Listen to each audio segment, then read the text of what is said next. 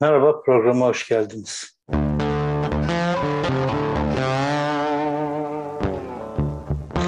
Evet, bundan sonra programlara acan gibi çıkacağım. Neden böyle çıkacağım? Ee, bir buçuk aya yakın oldu ameliyat olalı ve e, benim gözdeki sulanma geçmedi hemen hemen. En azından doktorların söylediği bir e, şeyi ihlal etmiştim ben. Okuma yok işte falan filan diye televizyona bakabilirsin ama okumak yasak diye. Tabii okumadan bu programları yapamayacağım için ben onu ihlal ettim. Ayrıca verdikleri damlanın da bir alerji yapmış olması olasılık içerisinde. Bugün bir damla daha verdiler ee, ama en azından ekrana bakarken acan gibi böyle koyu renkli numaralı bir gözlük aldım. Esas gözlüğü 15 gün sonra verecekler. Evet, e, acanlık bir kenara e, gelelim savaş durumu nasıl? Bu savaş durumu ilginç bir şey. E, Doğu Perinçek bir açıklama yaptı. Doğu Perinçek ne diyor? Vatan Partisi e, bir heyet göndermiş Rusya'ya. Şimdi ben şeyi çok merak ediyorum. Tabii bunu bir gün açıklar mı Doğu Perinçek yoksa biz MİT'in e, açıklamaları doğrultusunda mı hep hareket edeceğiz? Yani İşçi Partisi MİT'in kurdurttuğu, Doğu Perinçek'in kurduğu ilk parti, ilkinde de e, İşçi Partisi değildi zaten.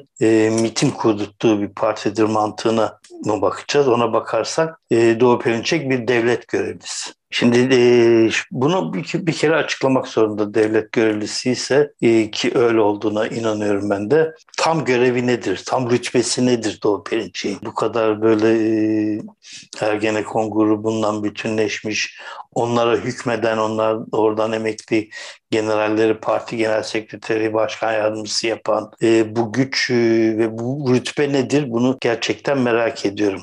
Hele bugünlerde tekrar Sivas Madımak e, davasının işte Maraş davasının falan yeniden görülmesi talepleri geldiğinde daha doğrusu Maraş Madımak'ın tekrar görülmesi talepleri geldiğinde belli kesimlerden e, bunların tekrar tartışılması gerektiğine inanıyorum. Doğu Perinçek'in görevi nedir ve bu görev nasıl bir şeydir ki e, Rusya'ya gidiyor. Ukrayna Savaşı sırasında kimler gidiyor? Sayın Tuğ Örüş böyle anlatıyor.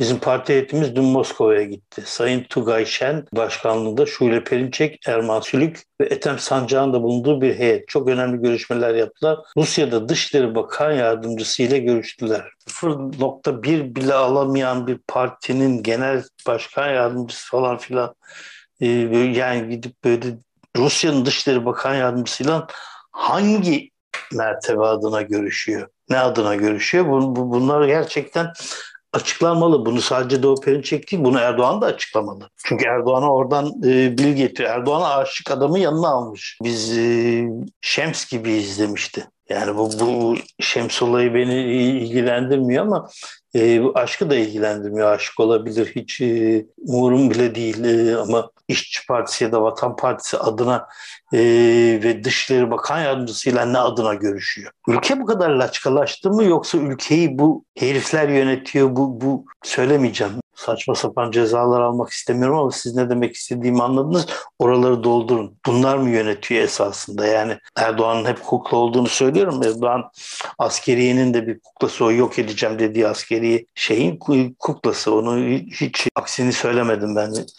Ama ilginç şeyler söylemiş. Mesela Perinçek savaşa hayır sloganını e, saçma buluyormuş. Aynen şey Putin'in saldırısını Hz. Muhammed'in zulme karşı yaptığı savaşlara benzetiyor. Nedir? Ee, şöyle söyleyeyim. Milli Kurtuluş Savaşı'na evet, emperyalist savaşına hayır. Savaşa karşıysak ABD'nin genişlemesine tavır alacağız. Savaşa hayır diyenlerin hiçbiri NATO'ya hayır demiyor. Ben savaşa hayır diyorum, NATO'ya da hayır diyorum. Bunu ilk söylediğimde 13 yaşındaydım. Belki 14-15 ama ilk duyduğumda daha da ufaktı. Bağımsız Türkiye, NATO'suz Türkiye. Türkiye'nin en önemli sloganı hemen hemen bütün örgütlerin attığı slogandı. O zaman bu kadar çok örgüt yoktu tabii. Beceremiyorduk bu kadar bölünmeyi o dönemde. Ama ortak slogandı bu. Her, bütün gençlik ve işçi sınıfı emekçiler bu sloganı atardı. Onun için e, emperyalizme ve e, NATO'ya hayır e, Türkiye Sosyalist Hareketi'nin baş tacı sloganlarından bir tanesidir. ABD emperyalizmine hayır demiyor. Uhud Savaşı'na, Hz. Muhammed'in Bedir Savaşı'na hayır diyebilir misiniz? Evet derim. Bütün savaşlara hayır derim. Hele din adına açılmışsa kimin açtığı Hristiyanlar mı açtı, Hz. Muhammed mi açtı, Müslümanlar mı açtı?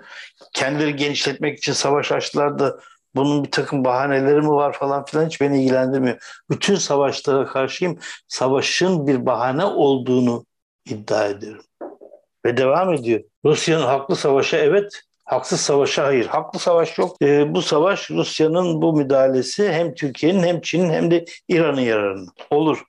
Rusya Ukrayna'da insanları öldürsün Türkiye'nin yararını istemiyorum öyle bir yarar. Ben başka ülkenin başka ülkeye saldırarak o ülkede insanların öldürmesinden yarar sağlayacak hiçbir şey. Ben de o zaman tamam komşularımı öldüreyim daireler bana kalsın çocuklarını falan da mirastır falan filan. Çünkü onları öldürmek, onlara savaş açmak benim yararıma olacaksa ben böyle bir savaş açabilirim. Kişisel savaş açabilirim. Birden çok kişiyi öldürmek savaşa girebilir tabii. Bir kişiyi öldürmek cinayet, seri katliam savaşa girebilir. Ha bunun örneğini görmedik mi? Gördük tabii. Ermenilerin, Rumların evlerine, Yahudilerin evlerine nasıl el konulduğunu 6 e, Eylül'den sonra biliyoruz. Bunu Demirören ailesine sormak lazım. Hürriyet gazetesinin daha önce tüp gazın parası nereden geldi de bugün tüp gazeteciler türedi. Bunun dünya kadar örneği var. Dersim katliamı sonrası oraya bir takım Türkmenlerin nasıl yerleştirildiği, Dersimlerin başka yere, Kürtlerin Konya'ya getirildiği, o arazi boşaltılan, yakılan köyler. Peki savaşsız çözüm yok mu? Benim istediğim bu zaten. Ha buna ütopya diyebilirsiniz. Komünizm işte askerliğin olmadığı, sınırların kalktığı, bütün dünyanın birbiriyle barış içinde olduğu, silahın üretilmediği, üretilen silah parasının, uçak tankların parasının eğitime, sağlığa, insanlık yararına gittiği bir dünya. Evet savaşsız bir dünya. Böyle bir ülke istemek o kadar zor bir şey değil. Ha tekrar o noktaya geleceğim. Doğu Perinçek bunun neresinde de böyle bir şey isteyebiliyor? Ve ne adına orada Dışişleri Bakan Yardımcısıyla görüşüyorlar? Devletin hangi mekanizması, hangi görevi? Erdoğan'ın haberi var mı? Ethem Sancak Erdoğan aşkı yavaş yavaş bitiyor mu? Ethem Sancak yapacağı tanklara motoru Ukrayna'dan mı alacaklar? O yüzden derdi o mu? Tamam NATO niye Rusya'nın dibine geliyor? Kesinlikle katılıyorum. Ama çözüm savaş mı? Çözüm insan öldürmek mi? Çözüm nükleer, nükleer savaşa doğru yavaş yavaş gitmek mi? Rusya'nın yaptığından tabii e, Doğu Perinçek bunu savunmak zorunda çünkü Suriye'de Suriye'de Kürtlere karşı Erdoğan'ın ve AKP hükümetinin, MHP hükümetinin yaptığını savunuyor. Aynı mantık barış götürüyormuş. Öldürerek barış götürüyor. Bunu söyleyen çoktu. Bütün Merkez Komite Kürtleri temizlemeden barış gelmez diyenler de dahil olmak üzere bunu söyleyen çok. Ya da kendine sol olduğunu iddia eden mesela bir sosyalizmi, sosyalist iktidarı getirelim Kürt sorununu çözeceğiz. Ha, Türkiye'de getirecektiniz sosyalist iktidarı. Halk da onu bekliyordu zaten. O yüzden inatla her seferinde önce barış diyorum. Önce barış gelmeden Türkiye'de hiçbir mücadeleyi veremezsiniz. Emek sermaye mücadelesini bile veremezsiniz. Ülke önce barış içinde olduğunu, huzurlu olduğunu bilmek zorundadır. Kürt meselesi sadece Türkiye'nin iç barışı da değil. Suriye ile ilgili sorunlarımız o konuda, Avrupa ile Avrupa Birliği ile ilgili sorunlarımız o konuda, Irak'la ilgili sorunlarımız yok gibi gözükse de referandum Irak Kürtleri referandum yaptığında karışıyorsan sorunun var demektir. İki dört bu, bu, bu hep böyle. Evet haklı savaş yoktur. Haksız savaş olmadığı gibi haklı savaş da yoktur. Savaş yoktu. Savaşa karşı olmak zorundasın. Aklı almıyor mu Doğu Perinçek'in savaşsız bu iş nasıl çözülür diye. Çözülür NATO'ya hayır derken Şangay Beşisi'ne de hayır diyerek çözülür. Çünkü ikisi de silahlı örgüt. Silahlı örgütlerin tamamına, silah fabrikalarının tamamına hayır dediğin zaman bu iş çözülür. Ve dediğim gibi hangi devletin hangi devletin derken e, yanılmıyor, yanlış söylemiyorum burada. Çünkü Türkiye'de birkaç tane devlet var. Hepsi Türkiye'yi idare etmek istiyor. O birkaç tane devletin bağlandıkları partiler var. Ne güzel değil mi? Millet İttifakı barışı getiriyordu, demokrasiyi getiriyordu. Ne oldu? Bir milletvekilinin dokunulmazlığında eller hep beraber havaya kalktı. Aynı dönemde güzel oradaki bir e, Kürt delikanlıyla görüşürken devlet Abdullah Öcalan'dan görüşüyordu. Devlet Karayılan'dan bilgiler alıp onları oturup tartışıyordu, masaya koyuyordu. Yan yana fotoğrafları. Şimdi Kandil'de fotoğraflar yok mudur? Devlet görevlileriyle, e, HDP milletvekillerini saymıyorum o dönemki. Devlet görevlileriyle MIT'le olan görüşmelerin fotoğraflarını koysa ne yapacaklar? Üst düzey MIT görevlileriyle olan görüşme fotoğraflarını koysalar ne yapacaklar? Öyle bir şey yapacağını sanmıyorum karayılanın ama. Çünkü siyaset öyle yapılmamalı. Doğrusunu yapıyor. Siyaset öyle yapılmamalı. Orada bir görüşme var. Orada önemli bir barış konuşması yapılıyor. Orada artık insanların ölmemesi üzerine bir konuşma yapılıyor. Dünya birbirini kandırıyor savaşa. Hayırdır işte ama işte Rusya'da yanlış yapıyor da Rusya'ya şu iş kedilere kadar geldi. Rus kedisine kadar geldi. Bu kadar yalaka bir dünya ve batı e, emperyalist sistem var ki. Çaykovski'den başladı, Dostoyevski'den devam etti, kedilere geldi. Siz de bu kedilerin Çaykovski'nin, Dostoyevski'nin tartışıldığı bir dönemde Şule Perinçek'ten Ethem Sancak'la Rusya Dışişleri Bakan Yardımcısıyla görüşürsünüz. Bir daha soruyorum. Hangi sıfatla? Ve benim vergimle gidiyorsun oraya. Benim ölene de inanmayacağım bir parti olarak ya da Ethem Sancak'ın parasıyla bilemiyorum. Devlet açıklamak zorundadır. Doğu Perinçek'in görevi nedir? Görevi yoksa nasıl böyle bir şey yapıyor? Bunu Rusya'ya da sormak lazım. Sen ne adına Doğu Perinçek'ten Dışişleri Bakan Yardımcısını görüştürüyorsun? Barış inisiyatifi de değilsin bir derin devletin malzemesisin. Evet malzemesin. Malzeme olarak kullanılıyorsun. Bunu Madımak'ta da yaptın. Madımak'ta işte şeytan ayetlerini daha öncesinden yayınlayıp Aziz Nesin bu gazetenin sahibidir yoluyla gidip sonra onu düşmanlaştırıp orada aydınların yakılmasına neden oldu. Sıyrıldın. Hiçbiriniz yoktunuz. Yoktunuz orada şeytan ayetlerinin çıktığı dönemde ben on binler Ayşe beraber aydınlıktaydım. Orada nasıl pis oyunlar yaptığınızı gördüm. Beni sözüm ona bir PKK'nin yakalanma olayına gönderdiniz. O da gözaltına alındı. Nasıl biliyordunuz oradaki o polis baskınını, sokağın ortasındaki baskının saatine kadar nasıl biliyordunuz? Ve nasıl bir şey ki ben bir lokantada oturup gizliden fotoğraf makinemi koyup yemek yiyormuş gibi fotoğraf çekerken polis sokaktan çıkıp birden lokantaya geldi ve beni gözaltına aldı birinci şubeye götürdü. Bunların da hesabı sorulmadı. Tabii bir buçuk aylık paramı da vermediniz onu da söyleyeyim. Evet Doğu Perinçek çözecekmiş bu işi. Ha bir de şey diyor ne diyor? Ee, Rusya Erdoğan'ın yaptığından memnun değilmiş. Tabii böyle bir de açıklama yapıyorlar. Rusya Erdoğan'ın Ukrayna meselesindeki tavrından memnun değilmiş. Tam açıklamayı söyleyeyim size. Yine ajan gözlüğümü takmadan okuyayım. Gerçi büyük yazar okuyabilir mi? Rusya'nın Erdoğan, Erdoğan tutumlarını vefalı bulmadığını söylemişti o Perinçek. Evet, vefalı bulmamış. Ne yapacak Türkiye?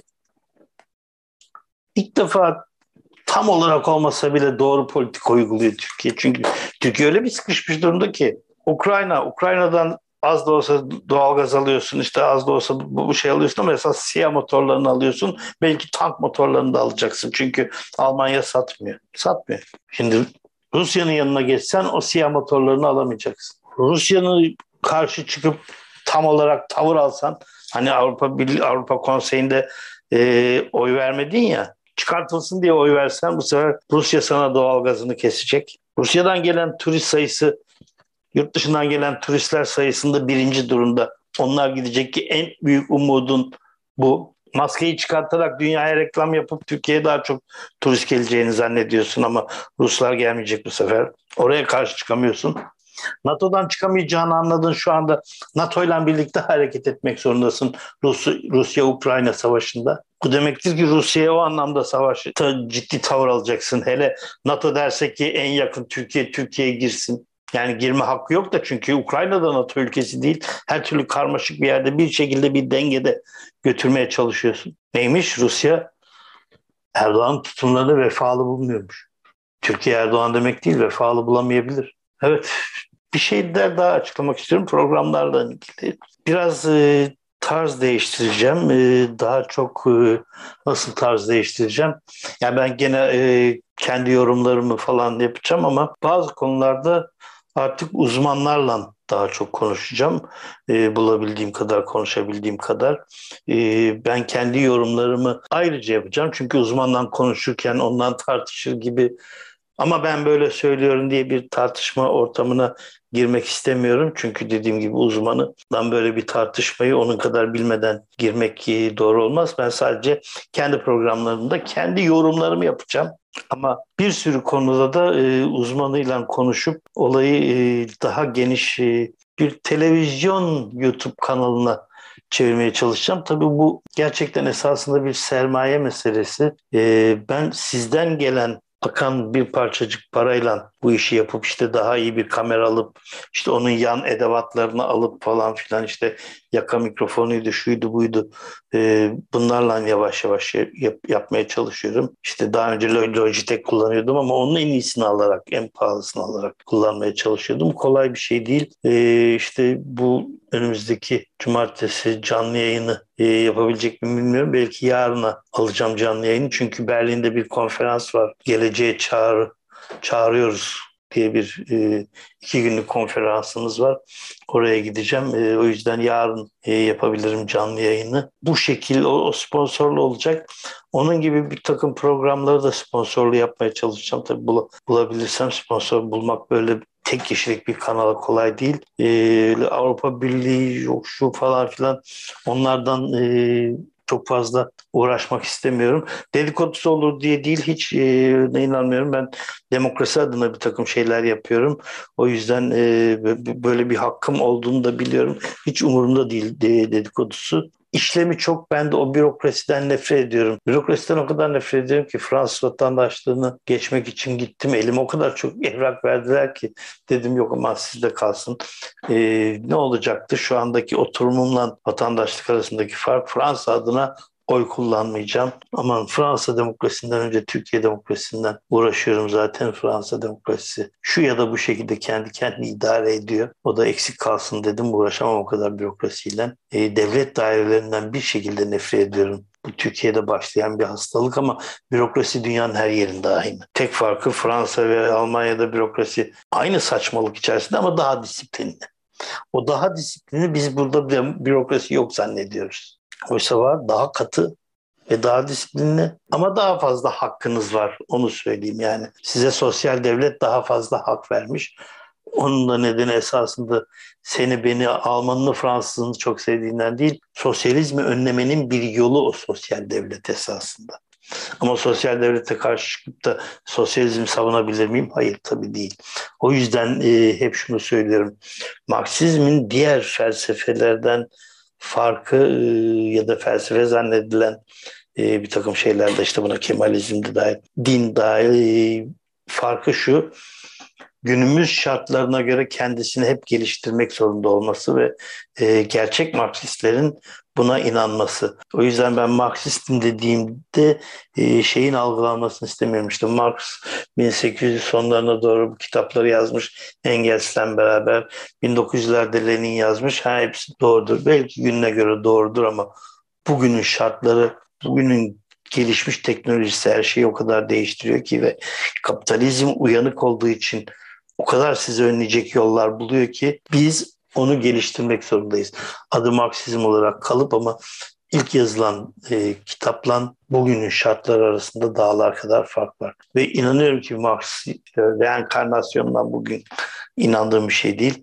Kalkıp e, tekrar etrafına bir baksa bir dakika ben bunu oturup bir daha yazmam gerekir diyeceğinden hiç şüphem yok. Evet bir programın daha sonuna geldik. Dediğim gibi daha televizyon vari bir noktaya doğru gitmek istiyorum. Belki ileride daha gelişirse tek başına benim dışımda yorum yapan, konuşan arkadaşlar da olabilir. Oraya doğru gitmek e, biraz da açıkçası size bağlı. E, hem izlenme oranına bağlı hem e, işte kaydolup üye olup yapacağınız yardımlara bağlı. Bunu ilk defa söylüyorum. Çünkü bu şekilde yapmam gerektiğine artık inanıyorum doğrusu bu olacak diye düşünüyorum. Hiçbir zaman bir televizyon gibi iddialı bir kanal olmayacağım. Öyle bir ne kişisel anlamda e, bir gücüm var ne e, maddi anlamda bir gücüm var. Ama en iyisini yapmak için e, burayı biraz geliştirmek istiyorum. Bir dahaki programa görüşmek üzere.